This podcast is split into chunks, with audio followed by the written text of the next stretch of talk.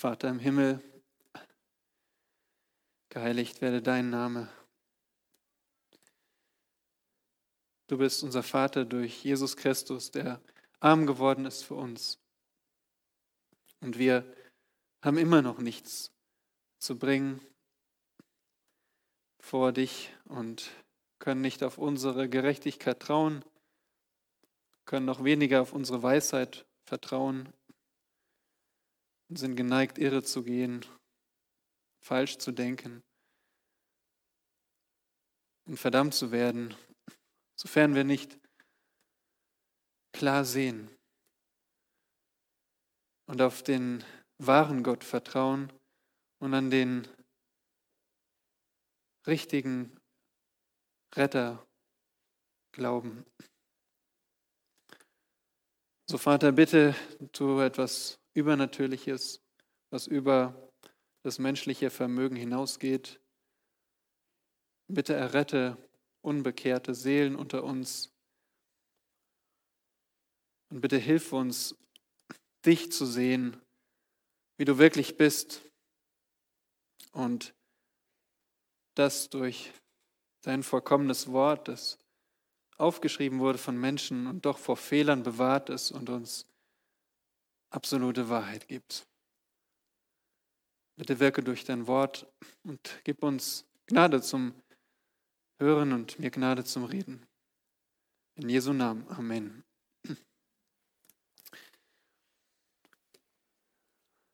Es war im November 1859, das Jahr, als Charles Darwin sein Buch veröffentlichte über die Entstehung der Arten.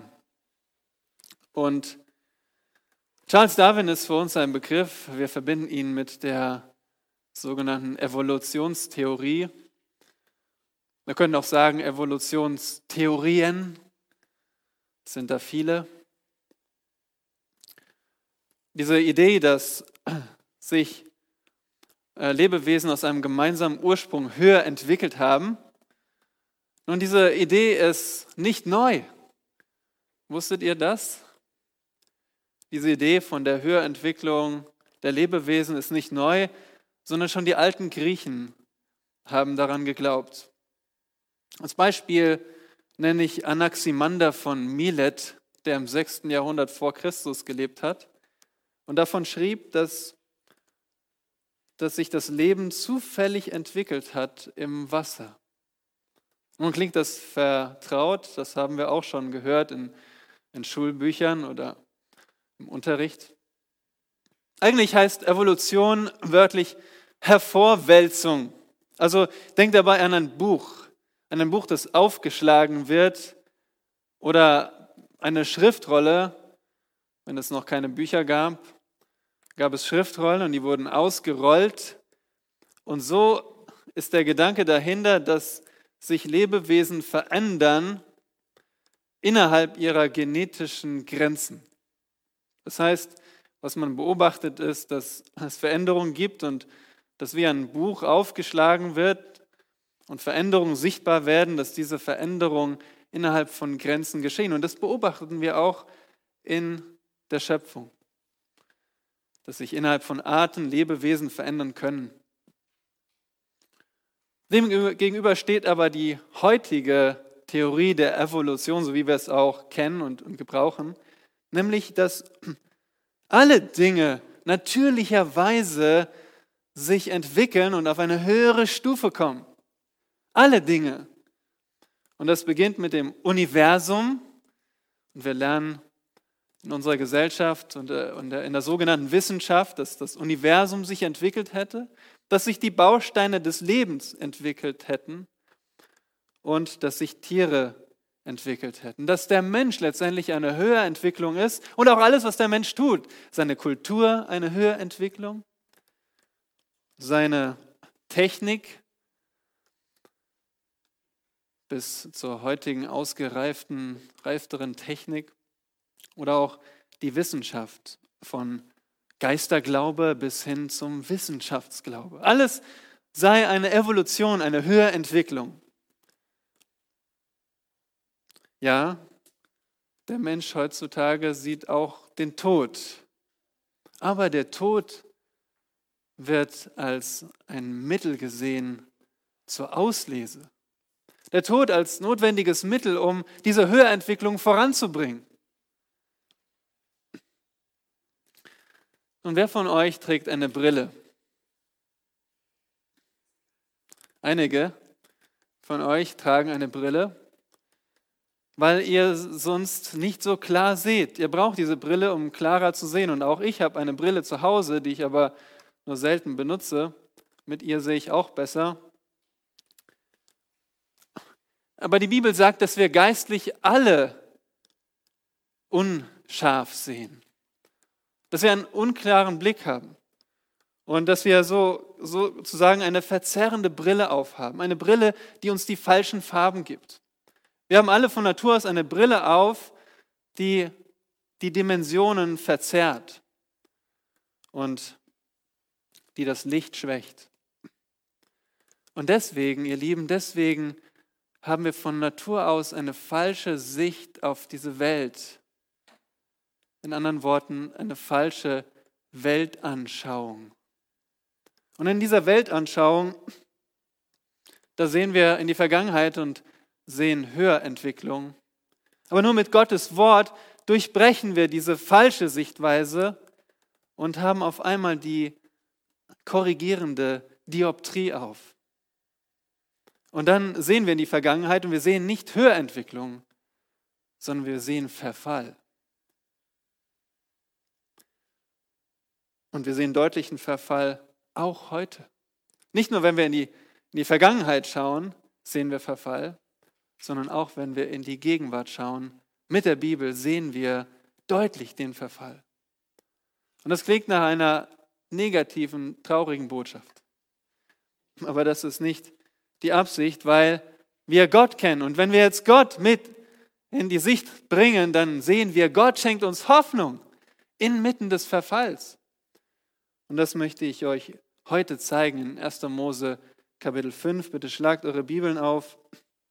1. Mose 5. Und wir fahren fort in den Predigten durch 1. Mose 1 bis 11. Und um euch wieder auf den Stand zu bringen, 1. Mose beginnt mit einer Einleitung. Kapitel 1, Vers 1 bis Kapitel 2, Vers 3. Nun, diese Zahlen sagen euch vielleicht nicht so viel, aber wenn ich sage, es sind die sieben Schöpfungstage, dann erinnert ihr euch. Das ist Gott, der sich selbst vorstellt durch seine Schöpfung. Er stellt sich nicht vor mit seinen Eigenschaften als theoretische Erklärung, sondern er zeigt, wie er schafft. Und das stellt ihn vor. Und dann ist dieses erste Mosebuch durch einzelne Geschichten mit Geschlechtsregistern gegliedert. Und wir haben uns schon die erste Geschichte angeschaut, ab Kapitel 2, Vers 4. Und das ist die Geschichte der Schöpfung. Also nicht die Schöpfungstage, sondern die Geschichte, was ist eigentlich aus der Schöpfung geworden? Und diese Geschichte begann damit, dass Adam und Eva erschaffen wurden in einer vollkommenen Welt. Und der Autor berichtet hier durch Gottes Inspiration, wie es tatsächlich geschehen ist. Und er zeigt uns die Tatsache von Gottes sehr guter Schöpfung. Und dieser Abschnitt endet mit Kapitel 4. Und in diesem Verlauf dieser Geschichte sehen wir den Sündenfall, wie der Mensch fällt, wie er schuldig vor Gott ist, wie er verflucht ist und wie er letztendlich von Gott getrennt ist.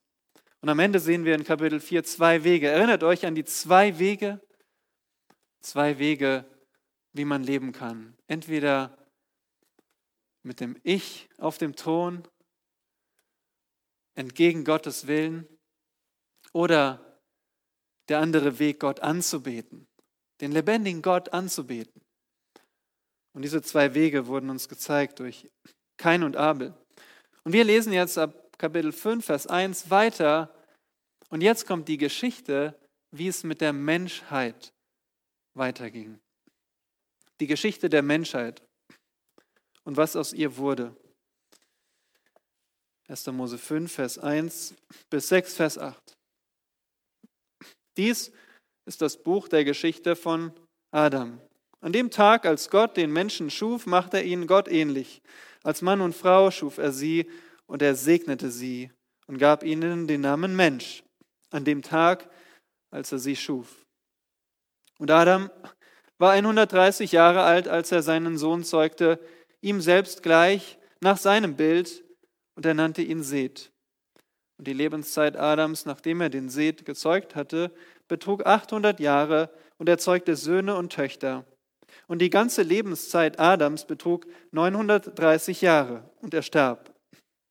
Und Seth lebte 105 Jahre, da zeugte er den Enosch. Und Seth lebte, nachdem er den Enosch gezeugt hatte, noch 807 Jahre und zeugte Söhne und Töchter.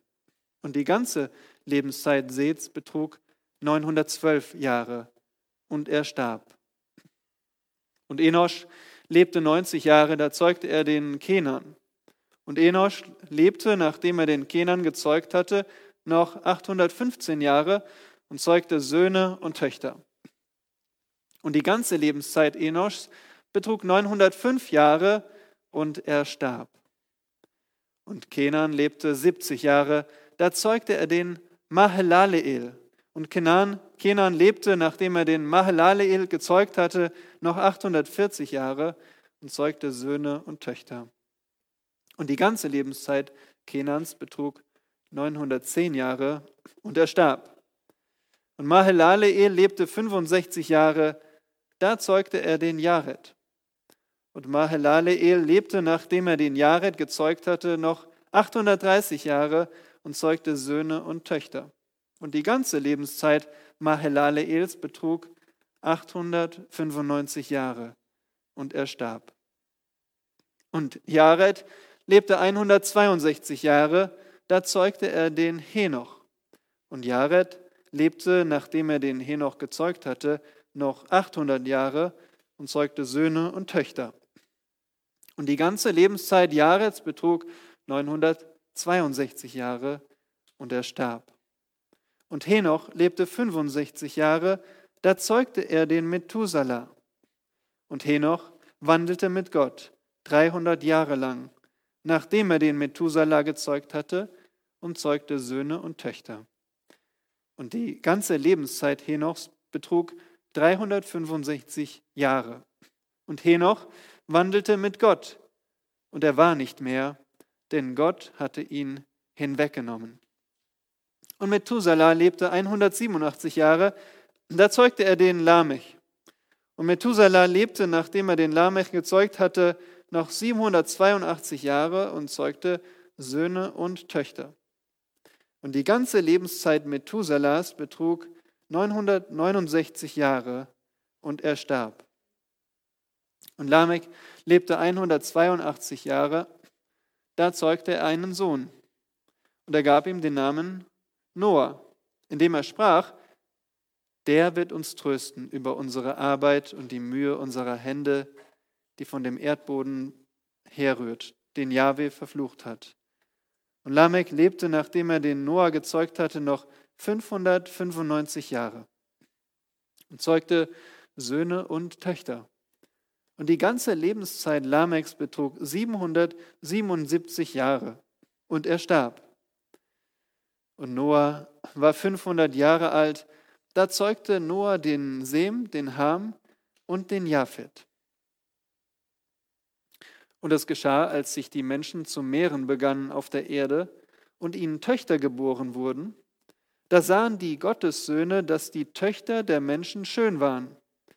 Und sie nahmen sich von allen jene zu Frauen, die ihnen gefielen. Da sprach Jahwe, mein Geist soll nicht für immer mit dem Menschen rechten, denn er ist ja Fleisch. So sollen seine Tage 120 Jahre betragen. In jenen Tagen waren die Riesen auf der Erde und auch später noch solange die Gottessöhne zu den Töchtern der Menschen kamen und diese ihnen Kinder gebaren. Das sind die Helden, die von jeher berühmte Männer gewesen sind. Als aber Jahwe sah, dass die Bosheit des Menschen sehr groß war auf der Erde und alles Trachten der Gedanken seines Herzens, alle Zeit nur böse. Da reute es Jahwe, dass er den Menschen gemacht hatte auf der Erde, und es betrübte ihn in seinem Herzen. Und Jahwe sprach, ich will den Menschen, den ich erschaffen habe, vom Erdboden vertilgen, vom Menschen an bis zum Vieh und bis zum Gewürm und bis zu den Vögeln des Himmels. Denn es reut mich, dass ich sie gemacht habe. Noah aber fand Gnade in den Augen Jahwes. Soweit der Text. Und wir sehen hier zwei Hoffnungsschimmer inmitten des Verfalls der Menschheit. Lass uns diese Hoffnungsschimmer betrachten und darauf fokussieren, um selbst Hoffnung zu erlangen in dieser Welt, in der wir leben. Und so ist eine Botschaft der Hoffnung und der erste Hoffnungsschimmer ist Entrückung. Der erste Hoffnungsschimmer ist Entrückung inmitten von Tod. Und das finden wir in Kapitel 5, also 32 Verse, die wir uns jetzt im Schnelldurchlauf betrachten. Und da sehen wir, wie wir durch das Geschlechtsregister geführt werden, von, von Adam bis zu Noah. Und es gibt einen stetigen Refrain, der uns an die Tragödie des Todes erinnert. Aber, aber inmitten des Sterbens gibt es einen, einen überraschenden Hoffnungsschimmer. Nun schauen wir uns dieses Kapitel im Überblick an. Wir beginnen aber in den ersten Versen, Verse 1 bis 2. Und als ich das vorgelesen habe, da habt ihr euch vielleicht erinnert an was, was ihr schon mal gehört habt. Hier ist es in Vers 1. An dem Tag, als Gott den Menschen schuf, machte er ihn Gott ähnlich. Als Mann und Frau schuf er sie. Woran erinnert dich das? Nun, hast du schon mal gehört, oder? In, in Kapitel 1, da hat Gott den Menschen erschaffen und er machte ihn genauso, nämlich in seinem Bild, ihm ähnlich. Und diese beiden Begriffe, also im Bild Gottes zu sein und Gott ähnlich zu sein, das ist ein und dasselbe auf unterschiedliche Weisen ausgedrückt. Das Bild Gottes ist sozusagen eine Statue, die Gott repräsentiert.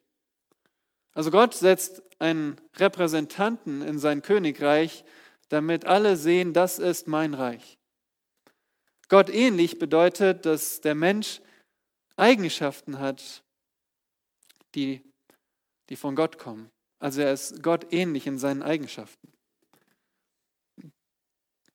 Und das erinnert uns an, an Gottes ursprüngliche Schöpfung, wie Gott den Menschen gemacht hat.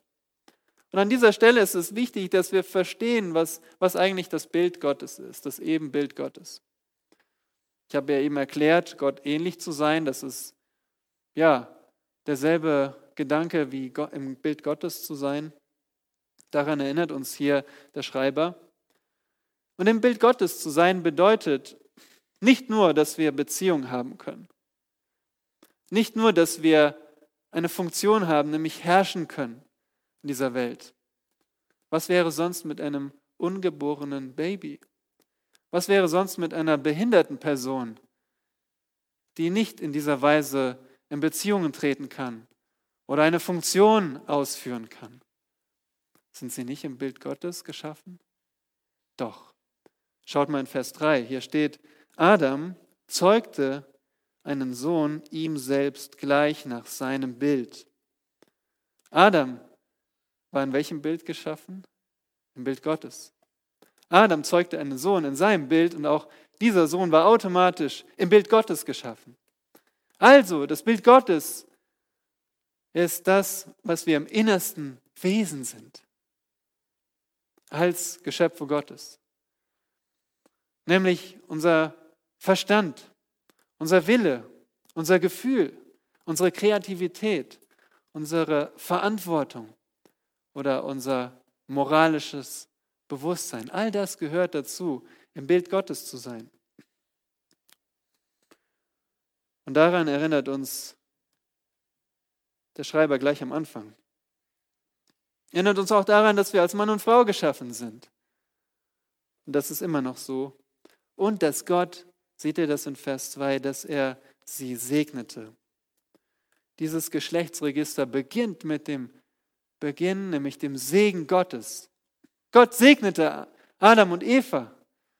Es beginnt mit dem wunderbaren Segen. Und dann ab Vers 3 sehen wir eine Abfolge, ein, ein Geschlechtsregister.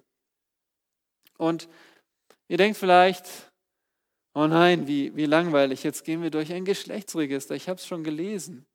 Nun, warum, warum denken wir so? Warum denken wir ein Geschlechtsregister, dass es, es könnte langweilig sein? Erstens, weil wir uns nicht zurechtfinden in dem Geschlechtsregister. Und zweitens, weil wir nicht verstehen, was die Absicht dahinter ist. Und das wollen wir beides jetzt beantworten. Wir wollen sehen, was ist die Struktur und was ist die Absicht. Und die Struktur, ihr habt es vielleicht schon gemerkt, es ist so eine, ein wiederkehrendes Muster. So wie zum Beispiel eine Ansage bei der Bahn. Wer schon mal mit der S-Bahn gefahren ist, da gibt es regelmäßig Ansagen, wie zum Beispiel ab dem so und so vielten Juli besteht Ersatzverkehr zwischen den Bahnhöfen Ostbahnhof und Alexanderplatz, wie auch immer. Es gibt Ersatzverkehr mit Bussen. Und das ist so ein, eine, eine Ansage, die also immer wieder gleich klingt, aber die Baustände sind anders. Zum Beispiel das Datum wird eingefügt oder dann äh, welche Bahnhöfe genau und welche Uhrzeit. Und genauso ist es auch hier. Es gibt so ein, ein Muster, das sich wiederholt und es werden immer verschiedene Dinge ausgetauscht oder bestimmte Dinge sind speziell. Und dann gibt es auch einige Ausnahmen. Aber dazu später. Was ist nun dieses Muster? Nun, das Muster ist eigentlich sehr einfach.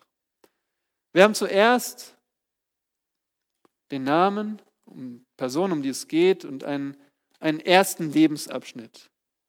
In diesem ersten Lebensabschnitt hat dieser Mann einen Sohn. Okay, erster Lebensabschnitt mit einem Sohn. Dann haben wir einen zweiten Lebensabschnitt mit Söhnen und Töchtern, mit Kindern. Und dann wird am Ende einfach das gesamte Lebensalter zusammengefasst und der Tod. Okay? Und so geht es eigentlich durch, durch dieses gesamte Kapitel. Warum, warum, diese, warum diese Elemente in diesem Geschlechtsregister? Nun, der erste Lebensabschnitt, erinnert euch, der erste Lebensabschnitt mit einem Sohn. Und dieser Sohn ist wichtig. Denn dieser Sohn ist derjenige, der die Verheißung am Leben erhält. Die Linie, die Nachkommenslinie, durch den einmal der Retter kommt, der Nachkomme der Frau. In 1. Mose 3, Vers 15 haben wir gesehen, dass durch, durch den Samen der Frau der Retter kommt, der vor dem Fluch, von dem Fluch errettet, unter dem die Menschheit gefallen ist. Und deswegen, dieser Sohn ist wichtig. Der Sohn. Und dann haben wir einen, einen zweiten Lebensabschnitt mit Kindern. Mit wahrscheinlich vielen Kindern. Aber wir, wir sehen jedes Mal, es sind Söhne und Töchter. Und das zeigt uns, dass Gott eben den Menschen in, als Mann und Frau geschaffen hat, das ist klar. Aber wir sehen auch, dass es Töchter gab, dass diese Männer Töchter hatten. Und warum sind Töchter so wichtig? Nun, sie sind eine Freude, ja, ich weiß. Ich habe selbst eine Tochter. Aber diese Töchter damals waren wichtig, weil, denkt an den Samen der Frau, denkt an den Retter, der durch die Frau kommen sollte. Und deswegen, Töchter erinnert uns jedes Mal daran, dass der Retter kommt, geboren von einer Frau. Und schließlich sehen wir dann das, den dritten Teil, nämlich das Lebensalter. Das Lebensalter. Und hier sehen wir insgesamt zehn Namen. Wir sehen Adam, wir sehen Seth, wir sehen Enosch, Kenan, Mahelaleel, Jared, Henoch, Methuselah und Lamek und schließlich Noah. Wie viele Namen sind das? Das sind zehn. Zehn Namen, zehn Männer. Und durch diese Linie geht die Verheißung des Retters. Und was ist an diesen Männern noch besonders? Nun, sie wurden alle nach Adam Riese ziemlich alt. Ziemlich alt. Und naja, vielleicht fragt der eine oder andere sich hier vorsichtig, geht das überhaupt? Geht das überhaupt, so alt zu werden? 900 Jahre? Nun, deswegen gibt es auch manche Ausleger, die sagen, diese, dieses Alter ist einfach symbolisch. Okay? Symbolisch, vielleicht für Segen oder so. Wir fragen uns, ja, wie ist es gemeint? Was, was, was ist hier gemeint mit diesem Alter? Nun schaut euch das nochmal genau an. Was hatte ich gesagt? Ein erster Lebensabschnitt mit dem Sohn, ein zweiter Lebensabschnitt mit Kindern und am Ende das Lebensalter. Das Lebensalter ist einfach die Summe aus den beiden Abschnitten. Stellt euch vor, ihr bekommt eine Rechnung. Und auf dieser Rechnung habt ihr eine erste Position und einen Betrag. Und dann habt ihr eine zweite Position und einen Betrag. Und unten habt ihr die Summe und den, noch einen Betrag. Und dieser Betrag ist die Summe aus 1, Position 1 und 2. Also 1, Position 1 plus Position 2 ergibt diesen Betrag. Was denkt ihr euch? Ja, die wollen mich einfach zu dem Kauf beglückwünschen. Oder, naja, die möchten einfach darauf hinweisen, dass sie gern eine Spende von mir hätten. Nein, ihr versteht genau, das ist eine Rechnung. Und am Ende sollt ihr genau den Betrag bezahlen, der unten drunter steht. Genau das ist dieselbe Absicht hier. Es ist eine Rechnung. Also es sind tatsächliche Lebensalter. Tatsächlich.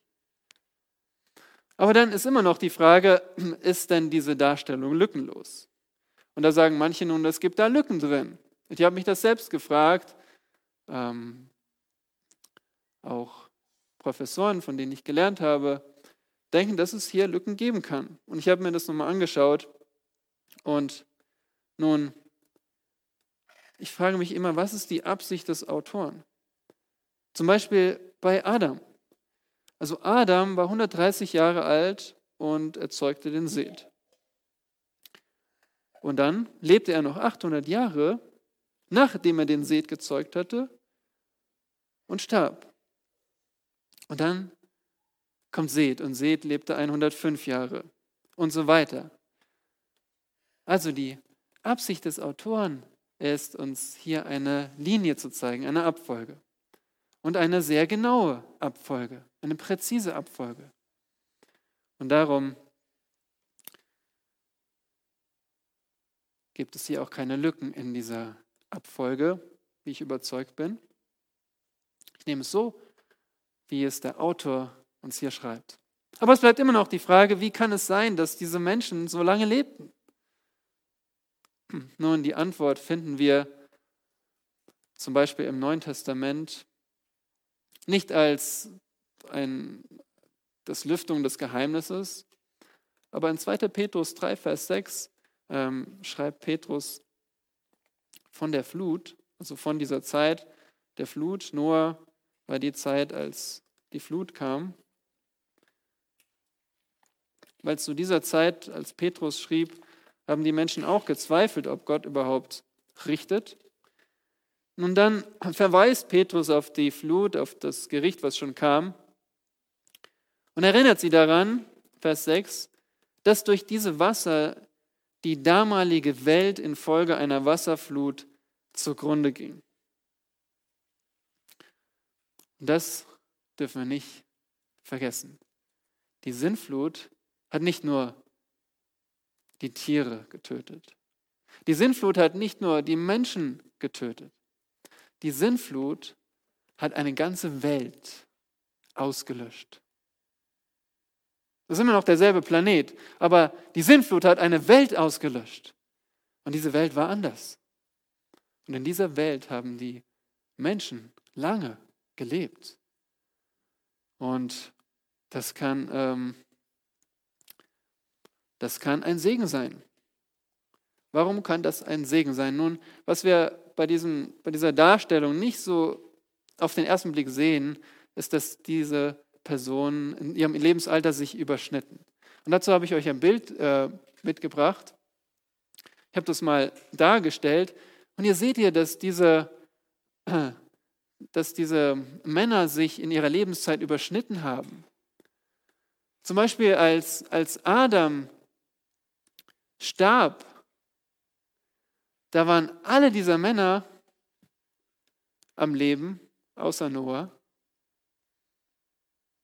Interessant. Außerdem sehen wir, dass, ähm, dass zum Beispiel der, dass Adam und Mahelale, äh, dass Adam und Methuselah ihr Leben umspannt sozusagen die gesamte Zeit von der Schöpfung bis zur Flut, die durch den zweiten, die zweite gestrichelte Linie dargestellt ist. Und was, was lernen wir daraus? Nun, der Glaube konnte viel einfacher weitergegeben werden. Als Lamech geboren wurde, lebten alle seine Vorväter noch. Auch Adam. Und das war ein Segen, dass der Glaube auf diese Weise aus erster Hand oder maximal zweiter Hand weitergegeben werden konnte. Aber es war auch eine Last. Eine Last. Warum? weil sie in einer gefallenen Welt lebten. Und das, das, dass es eine gefallene Welt war, das sehen wir an dem Refrain, an dem Tod. Schaut mal in Vers, Vers 5. Adam und er starb. Vers 8 und er starb. Vers 11 und er starb. Vers 14 und er starb. Vers 17 und er starb. Vers 20, und er starb. Vers 27, und er starb. Vers 31, und er starb.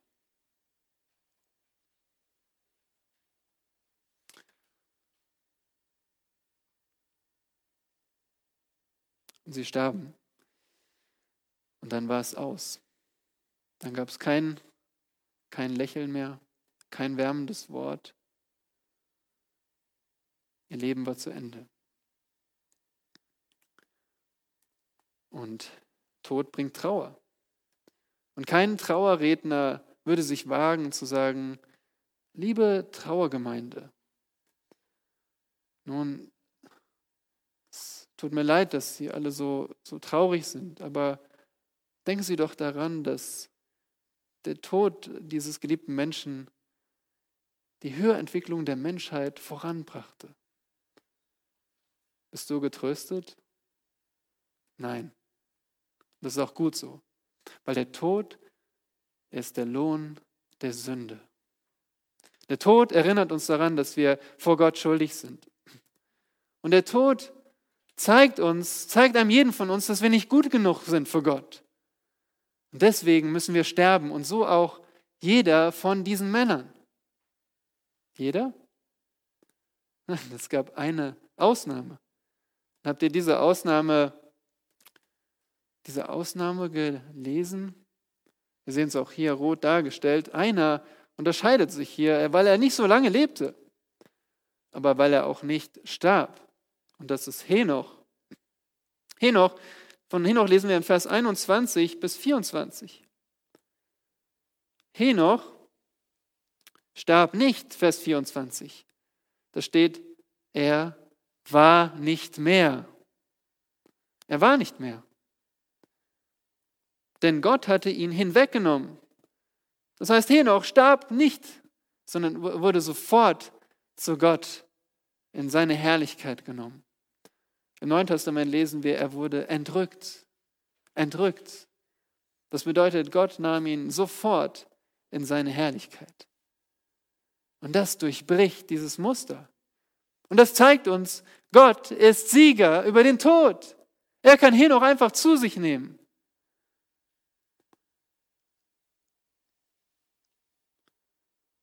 Und wisst ihr was? Er tut es immer noch.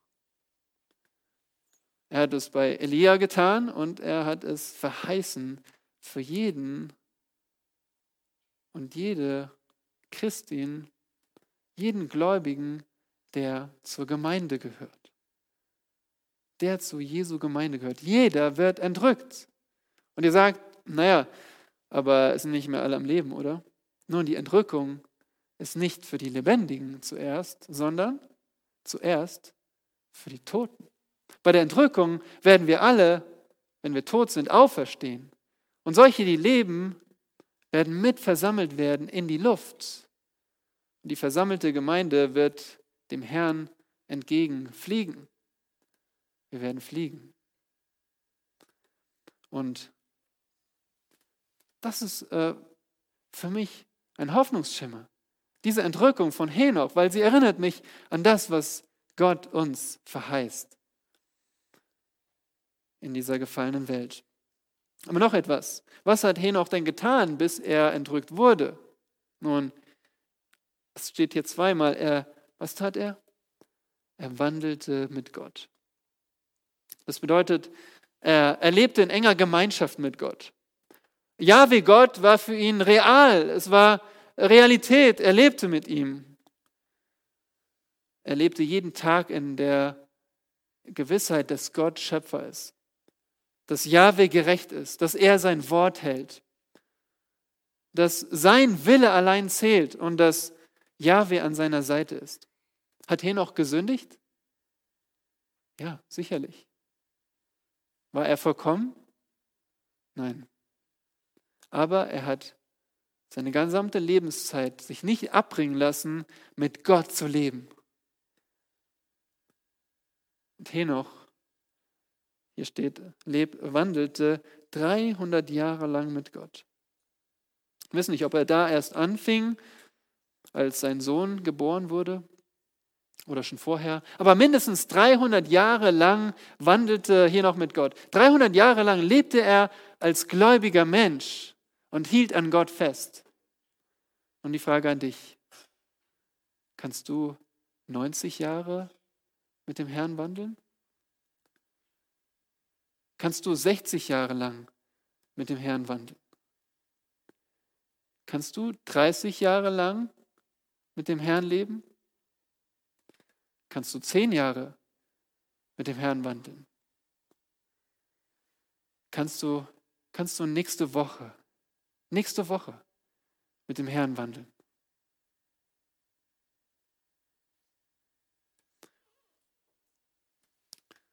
Entrückung inmitten von Tod. Nun, vorbereitend für unseren zweiten Hoffnungsschimmer, schauen wir noch ganz kurz auf den Lamech oder Lamech, der einen Sohn hatte und diesen Sohn nannte er Noah. Noah bedeutet Ruhe. Und Lamech äh, wünschte sich Ruhe von dem Fluch. Und auch hier sehen wir ein, eine Ausnahme in diesem, in diesem Ablauf. Lamech starb keine Frage. Aber er kommt zu Wort und er sagt, ähm, dieser wird uns trösten. Er setzt seine Hoffnung in diesen Noah, weil er ja weiß, dass Gott durch ein Nachkommen der Frau auch Rettung von dem Fluch bringt. Und seine Hoffnung ist, dass es Noah ist. Und so hat auch Lamech Hoffnung. Und auch bei Noah sehen wir eine Besonderheit. Noah hat nämlich nicht nur einen Sohn, oder nicht nur ein Sohn wird genannt, sondern drei Söhne. Sem, Ham und Japhet. Und wir lesen auch nicht von Noahs Tod. Nun, es ist kein Geheimnis, auch Noah starb. Aber an dieser Stelle stoppt diese Abfolge und wir schauen als nächstes uns die Welt an, in der Noah lebte. Und das ist der zweite Hoffnungsschimmer, nämlich Gnade. Gnade inmitten von Verderbtheit. Gnade inmitten von Verderbtheit ist ist der zweite Hoffnungsschimmer. Und hier sehen wir die Welt vor der Flut. Ich sage euch, die Welt vor der Flut war furchtbar. Und wir bekommen einen komprimierten Einblick in die geistliche Finsternis. Und, aber auch hier sehen wir einen, einen Hoffnungsschimmer, nämlich Gnade für Noah.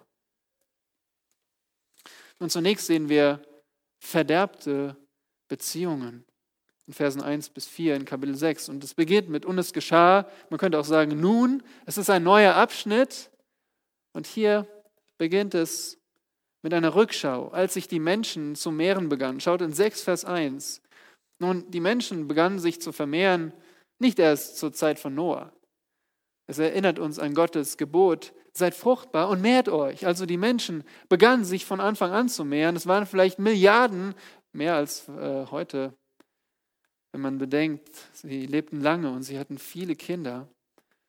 Die Welt war voller Menschen. Und als sie sich zu mehren begannen und ihnen Töchter geboren wurden, da sahen die Gottessöhne, dass die Töchter der Menschen schön waren. Und die nächste Frage ist, wer, wer sind diese Gottessöhne? Nun, hier gibt es vor allem zwei ernstzunehmende Ansichten. Die erste Ansicht, die auch zum Beispiel Martin Luther und Johannes Calvin vertraten, ist, dass diese Gottessöhne Menschen waren. Es waren gottesfürchtige Menschen, gottesfürchtige Nachkommen von Seth. Erinnert euch, in dieser Predigt über die zwei Wege haben wir in Kapitel 4 gesehen, dass, dass zur Zeit der Nachkommen von Seth Jahwe angebetet wurde. Und so schließen manche daraus, dass es hier eine, eine, eine gottesfürchtige Familie und sie sündigten aber dadurch, dass sie gottlose Frauen nahmen. Die Töchter der Menschen seien dann die Töchter der Linie Kains. Und von Kain und seinen Nachkommen haben wir gelesen, ein Geschlechtsregister von sieben Generationen bis hin zu dem gottlosen Lamech, der vier Kinder hatte und nicht besonders durch Gewalt auf oder seine Kinder nicht besonders durch äh, Gewalt auffielen, sondern durch Erfindungen. Aber sie waren, wir lesen nichts davon, dass sie Gott ehrten. Und Lamech war, war dieser Brutalo. Also schließen manche daraus, die, diese gottesfürchtigen Männer haben jetzt gottlose Frauen geheiratet. Und der Vorteil davon ist, dass es in den Kontext passt, weil in Kapitel 4 lesen wir ja von diesen gottlosen Nachkommen Keins. In Kapitel 5 lesen wir von der Linie Seths und auch von Henoch in dieser Linie, der mit Gott wandelte. Und so ist das eine mögliche Sichtweise.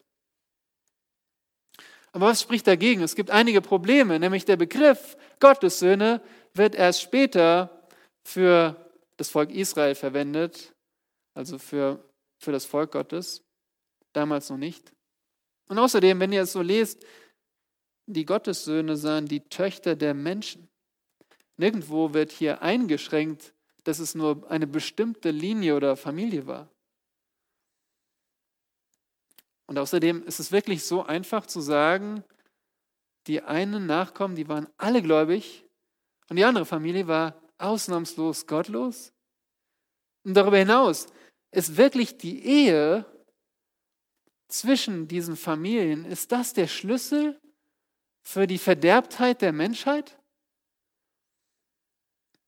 Nun, was ist die zweite mögliche Sichtweise? Die zweite mögliche Sichtweise ist sehr alt. Sie kommt auch aus der frühen Kirchengeschichte oder davor auch ähm, jüdische Ausleger, sehen in den Gottessöhnen Engel. Warum? Nun, der Begriff äh, Söhne Gottes findet ihr zum Beispiel in Hiob 1, Vers 6 oder 2, Vers 1. Erinnert euch, die, als die Söhne Gottes zusammenkamen, so beginnt das Buch Hiob, unter ihnen auch der Satan. Söhne Gottes ist ein Begriff für Engel und Hiob ist möglicherweise das älteste Buch der Bibel. Und damals wurde der Begriff so benutzt. Wir sehen außerdem, dass es Sinn ergibt, dass wir hier auf der einen Seite übernatürliche Wesen haben, die Söhne Gottes, und auf der anderen Seite die Töchter der Menschen, also natürliche Frauen. Aber manche wenden jetzt ein, wie geht das denn? Können Engel denn nicht heiraten? Ja, da sagt der Herr Jesus, Wisst ihr nicht, dass Engel nicht heiraten? Dass sie keine Nachkommen zeugen? Wir sagen, ja, das stimmt. Aber Engel können menschliche Körper annehmen. Denkt an 1. Mose 18, wo Abraham besucht wird von diesen Männern und sie essen mit ihm und sie gehen weiter, 1. Mose 19, nach Sodom und die Menschen von Sodom wollen mit ihnen Verkehr haben. Und, und diese zwei Männer ziehen und zerren den Lot aus der Stadt. Sie hatten reale Körper. Und so ist es denkbar, dass, dass es Engel waren, die menschliche Körper annahmen, um Frauen heiraten zu können, die ihnen gefielen. Und so kam es zu dieser Verbindung zwischen den Engeln und den Töchtern der Menschen. Nun, da gibt es noch drei Stellen, auf die ich euch hinweisen muss im Neuen Testament, die genau diese, wie ich überzeugt bin, diese Geschehnisse beschreiben. Und ich lese euch diese Stellen vor und wenn ihr mitlesen wollt, wir beginnen 1. Petrus 3. 1. Petrus 3, ab Vers 18 bis 20, dort schreibt Petrus, denn auch Christus hat einmal für Sünden gelitten, der Gerechte für die Ungerechten, damit er uns zu Gott führte, und er wurde getötet nach dem Fleisch, aber lebendig gemacht durch den Geist, in welchem er auch hinging und den Geistern, das sind Engel, Geistern im Gefängnis verkündigte, die vor Zeiten sich weigerten zu gehorchen, als Gottes Langmut einstmals zuwartete in den Tagen Noahs. Also in den Tagen Noahs, da wurden Engel ungehorsam. Und was sind ungehorsame Engel? Dämonen. 2. Petrus, Kapitel 2, Vers 4 lesen wir, denn wenn Gott die Engel nicht verschonte, die gesündigt hatten, sondern sie in Fesseln der Finsternis in den Abgrund warf, um sie zum Gericht aufzubewahren, und wenn er die alte Welt nicht verschonte, sondern nur Noah, den Verkündiger der Gerechtigkeit als Achten, bewahrte, als er die Sinnflut über die Welt der Gottlosen brachte und so weiter. Hier sehen wir auch von den, von den Engeln, die gesündigt hatten und sie, ihre Sünde war so gravierend, dass sie nicht mehr freigelassen wurden. Diese Dämonen sind jetzt verwahrt in einem Gefängnis. Und schließlich Judas 5 bis 7. Keine Angst, ich lese euch ganz, kein ganzes Kapitel vor. Es gibt nämlich nur ein Kapitel. Aber in Judas 5 lesen wir, ich will euch aber daran erinnern, obgleich ihr dies ja auch schon wisst, dass der Herr, nachdem er das Volk aus dem Land Ägypten errettet hatte, das zweite Mal diejenigen vertilgte, die nicht glaubten. Und dass er die Engel, die ihren Herrschaftsbereich nicht bewahrten, sondern ihre eigene Behausung verließen, für das Gericht des großen Tages mit ewigen Fesseln unter der Finsternis verwahrt hat. Und dann geht es weiter und er bringt ein Beispiel von Sodom und Gomorra, wo sie Unzucht trieben und anderem Fleisch nachgingen. Ein sehr ähnlicher Kontext. Und so haben auch diese, diese Engel eine Verbindung mit Frauen gesucht. Sie haben die Frauen gesehen und sie wollten mit ihnen schlafen. Nun, schaut nochmal auf den Text in 1. Mose 6. Da heißt es, sie sahen, dass die Töchter der Menschen schön waren. Und ich sage euch, wörtlich steht hier, sie sahen, dass die Töchter der Menschen gut waren. Woran erinnert euch das? Eva sah die Frucht, dass sie gut zu essen war. Selbes Wort. Hier findet also eine weitere Versuchung statt und ein weiterer Sündenfall der Engel. Die und wir haben es schon gesagt, gefallene Engel sind Dämonen. Stellt euch vor, diese Ehe war besessen. Auf der ganzen Erde. Ehen besessen von Dämonen. Das ist furchtbar. Wir könnten sagen, dass die armen Frauen, die waren einfach hilflos. Nun, schaut mal auf das Wort, was hier steht. Hier steht ähm, in Vers 2, Sie nahmen sich von allen jenen zu Frauen, die ihnen gefielen. Und wir im Deutschen könnten meinen nun, ja, die gingen einfach hin und nahmen sich die Frauen. Aber das Wort äh, Namen sich zu Frauen ist das gewöhnliche Wort für heiraten. Diese Engel wurden zu Dämonen, weil sie ihren Herrschaftsbereich verließen, um menschliche Körper anzunehmen, um diese Frauen zu heiraten. Und ich sage euch, in einer Ehe gibt es irgendjemanden, der einwilligt, oder? Vielleicht war es der Vater, vielleicht war es auch die Mutter, vielleicht war es der Opa oder vielleicht war es der Onkel oder vielleicht die Frau selbst. Irgendjemand hat eingewilligt in diese Ehe. Und auch diese Ehe produzierte Kinder. Schaut in Vers 4. In jenen Tagen waren die Riesen auf der Erde, wörtlich Nephilim, die Gefallenen. Und, und es kommt nur einmal in der Bibel noch vor, nämlich äh, zur Zeit von, von Mose und dem Volk Israel, als sie diese Nephilim in dem Land Kanaan sehen und sie beschreiben sie eben als sehr groß und deswegen wird es hier mit Riesen übersetzt. Und dann wird noch, sie werden noch weiter beschrieben, dass sie, in Vers 4, ihr seht das, äh, dass sie Helden sind. Helden. So wie ein Nimrod, ein Gewaltiger. Oder berühmte Männer waren sie. Ihr Lieben, das waren die menschlichen Götzen der damaligen Zeit. Sie waren besonders, sie waren nicht mehr komplett menschlich. Sie waren das Ergebnis von Engeln, die menschliche Körper annahmen und menschlichen Frauen. Und ähm, ja, wir fragen uns, warum haben sie das getan, diese Frauen? Vielleicht wurden sie getäuscht. Ja, sie wurden getäuscht. Das wussten nicht, was sie taten. Vielleicht wurden sie aber auch davon angelockt, mit einem Engel eine Ehe einzugehen. Vielleicht diese Hörentwicklung zu suchen. Ein, ein Leben, das nicht endet, ein, ein ewiges Leben. Und das bekommt, kommt uns bekannt vor, oder?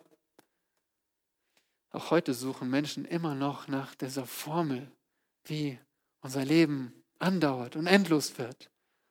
Oder wir haben auch erlebt, wie zu verschiedenen Zeiten versucht wurde, eine übermenschliche Rasse hervorzubringen.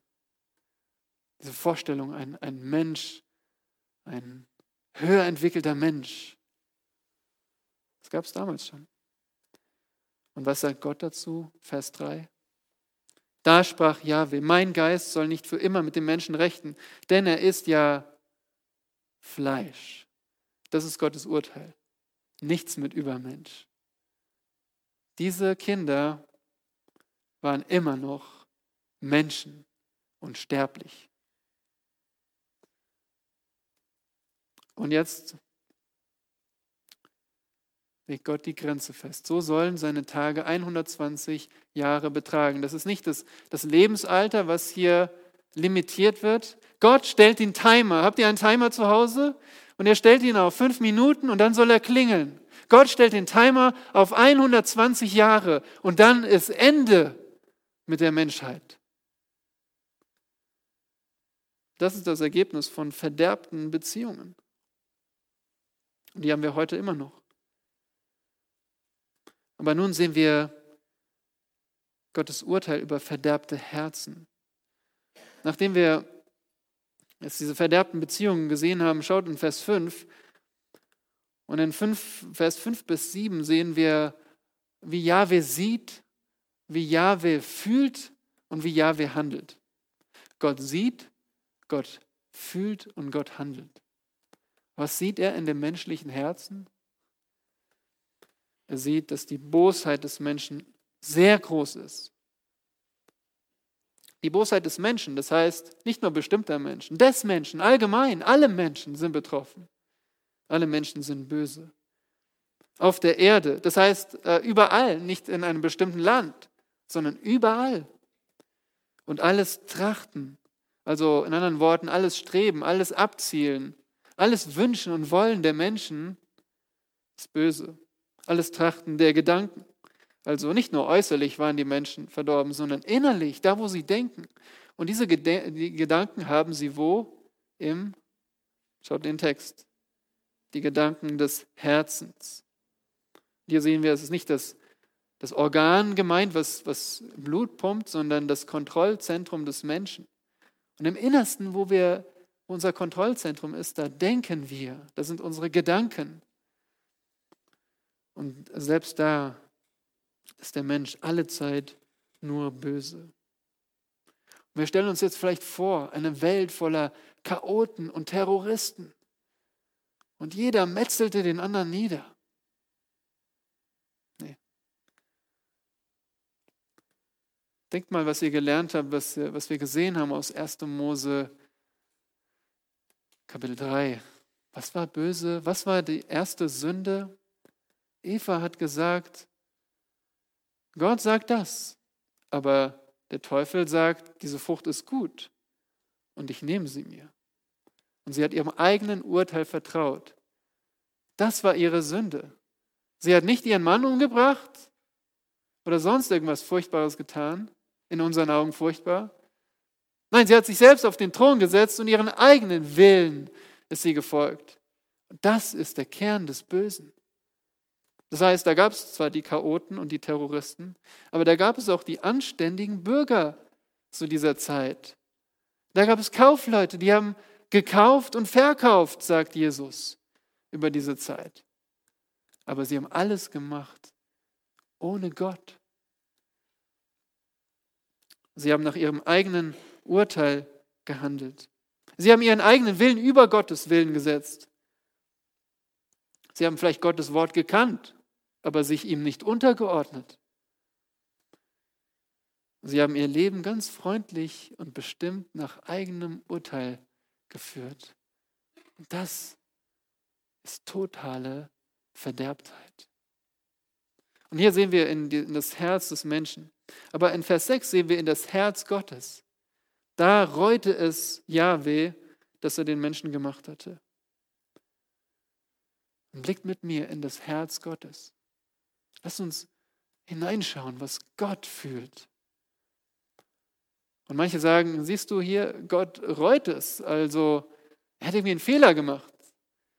Aber, ihr habt es auch auf eurem Handout, zwei Stellen, wo deutlich in der Bibel gesagt wird, Gott bereut es nicht, wie ein Mensch bereut. Er sagt nicht, ich habe irgendeinen Fehler gemacht, ich muss mich korrigieren. Nein, das Wort reuen bedeutet, er ist sehr, sehr traurig. Gott trauert. Und dann gibt es noch ein zweites Wort. Er, es betrübte ihn in seinem Herzen. Wörtlich, er war zutiefst betrübt. Es ist diese Betrübnis, auf menschlich gesprochen, und Gott wird hier auf menschliche Weise beschrieben, diese Betrübnis, die, diese Betrübnis, die eine Frau empfindet, wenn ihr Mann sie verlässt. Es ist die Betrübnis, die ein Bruder empfindet, wenn seine Schwester vergewaltigt wird. Es ist die Betrübnis, die ein Vater empfindet, wenn sein Sohn ermordet wird. Das ist die Betrübnis, die Gott fühlte. Warum? 5, Kapitel 5 am Anfang. Gott hat den Menschen als sein Ebenbild geschaffen, dass er Gott verherrlicht dass er Gott widerspiegelt, dass er Gott repräsentiert. Und jetzt, alles, was Gott sieht, ist, Menschen verherrlichen sich selbst. Und sie repräsentieren sich selbst und ihren eigenen Willen. Und das Urteil ist in Vers 7, Gott handelt, ich will den Menschen, den ich erschaffen habe, vom Erdboden vertilgen. Gott hat das Recht zu erschaffen und Gott hat das Recht zu vertilgen. Und hier sehen wir, warum. In Vers 5 haben wir gesehen, der Mensch ist böse und das ist Recht, dass Gott ihn vertilgt. Wörtlich auswaschen. So wie wenn ihr einen Fleck in einer an einem Kleid habt oder in einem Tuch habt und ihr es mit Wasser, mit heißem Wasser auswäscht, so wird Gott die Erde von den sündigen Menschen auswaschen. Und wörtlich mit Wasser, mit der Flut. Und zwar auch die Tiere. Warum? Nun erinnert euch, wer hat die Herrschaft über die Tiere? der Mensch. Und so werden mit dem Menschen, mit dem Herrscher auch die Tiere ausgetilgt.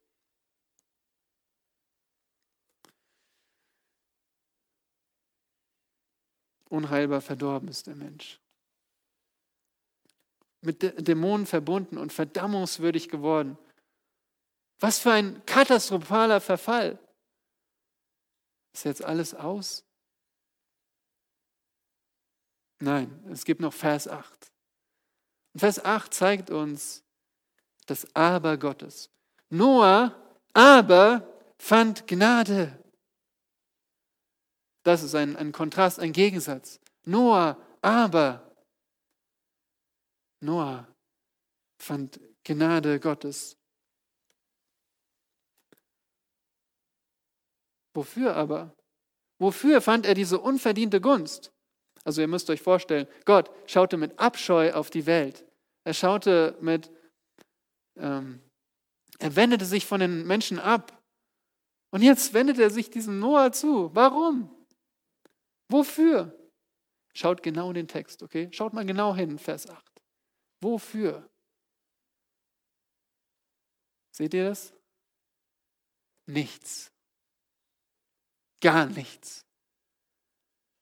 Kein Grund, als nur in Gott allein. Das ist Gnade. Seine unverdiente Gunst, die Noah bekommt. Ja, ich weiß, Noah wandelte mit Gott, aber Vers 9 kommt nach Vers 8. Gottes Gnade ist nicht allein, Gottes Gnade bewirkt eine Veränderung im Leben, eine Umkehr. Aber Gnade kommt immer zuerst. Und Noah fand Gnade, Noah war nicht besser. Aber Noah empfing Gottes Gnade. Und hier steht, er fand Gnade. Es ist interessant, dieses Wort zeigt, dass diese Handlung definitiv war. Er hat nicht angefangen, Gottes Gnade zu finden und musste daran da, da bangen, ob sie anhält. Nein, er fand sie und Punkt. Noah fand Gnade. Ist das nicht ermutigend? Diese, dieses ermutigende Ende an dieser Geschichte des Verfalls, Gottes Gnade. Nun kommen wir zur Anwendung. Wie sieht es mit unserer heutigen Welt aus? Was würde Jahwe über unsere Welt sagen, wenn er sie beschreibt? Das Traurige ist, unsere Welt ist nicht besser. Ich habe darüber nachgedacht und so aufgefallen, dass wir in dieser Zeit leben. Mit dem Unterschied, dass wir jetzt wissen, es kommt keine Flut mehr, aber wir wissen, es kommt das Feuer. Wir haben genauso gewaltsame und räuberische Menschen unter uns, aber wir haben auch die Anständigen, die von Gott nichts wissen wollen. Und wir sind vielleicht selbst solche Menschen. Auch heute suchen wir nach eigenem Ruhm. Wir wollen Menschen sehen, wir wollen Helden sehen, wir wollen Sportler sehen, wir wollen Stars sehen, über Menschen. Schon Kinder erfreuen sich an Superhelden, an Menschen mit übermenschlichen Kräften. Und der Mensch wird verherrlicht. Aber genauso sind wir auch in unseren Herzen verdorben. Jesus sagt, denn aus dem Herzen kommen böse Gedanken, Mord, Ehebruch, Unzucht, Diebstahl, falsche Zeugnisse und Lästerung. Matthäus 15, Vers 19. Und auch dein Herz kann Jahwe nicht gefallen. Selbst ein einziger Ungehorsam vor dem heiligen Gott reicht aus oder ist der ewigen Strafe würdig, weil Gott die allerhöchste Majestät ist. Und so verdienst du ewige Verdammnis. Wo soll ich hin mit meiner Schuld? Wo gibt es Rettung? Oh, ich wünsche mir, dass das deine Antwort ist oder deine Frage in dieser Situation. Und wenn du dich das fragst, dann habe ich eine gute Nachricht für dich. Und diese gute Nachricht lautet, Satan und seine Dämonen haben verloren. Satan wollte die menschliche oder die Menschheit verderben.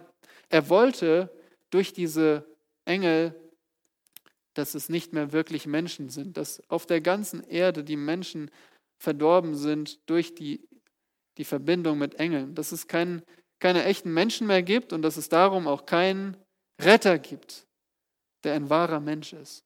Aber Satan hat verloren. Seit 2000 Jahren wissen wir, dieser Retter ist gekommen, der Samen der Frau. Und er heißt Jesus Christus. Gott ist Mensch geworden. Und er ist gekommen, um ein gerechtes Leben zu leben. Er hat alles vollkommen gemacht. Und dann wurde er unschuldig am Kreuz hingerichtet, als Stellvertreter für Sünder. Und er ist begraben worden und am dritten Tag auferstanden von den Toten. Er ist aufgefahren in den Himmel und er ist dort im Himmel und thront und er hat seine Gemeinde gegründet. Und noch immer begnadigt er, wen er will. Über ihn heißt es, dass durch ihn Gnade und Wahrheit geworden ist.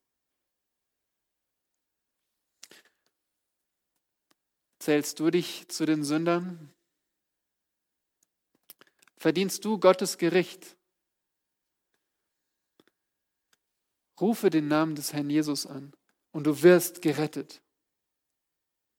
Und bist du schon gerettet, dann preise den Herrn für seine Gnade. Preis den Herrn für seine unverdiente Gunst und setz deine Hoffnung allein auf den Herrn in dieser gefallenen Welt. In dieser gefallenen Welt ist Gottes Gnade unsere Hoffnung. Denn aus Gnade seid ihr errettet. Amen. Gott aller Gnade, wir loben dich über deine große Gnade und dass du immer noch rettest. Und so rette du auch heute noch und hilf uns zu wandeln mit dir, also ganz einfach so zu leben, wie du es sagst in deinem Wort. Und das können wir nicht nur durch deinen Heiligen Geist. Und so hilf uns, in dieser nächsten Woche nah mit dir zu wandeln. Und das bedeutet, uns von der Sünde abzuwenden und die Gerechtigkeit zu tun und vor allem dich und dein Angesicht zu suchen und zu hoffen auf die Entrückung, auf dein Wiederkommen, dass du uns zu dir holst. So bitte hilf uns, den Blick nicht zu verlieren, denn du bist mit uns in der nächsten Woche und bis an das Ende der Welt. Amen.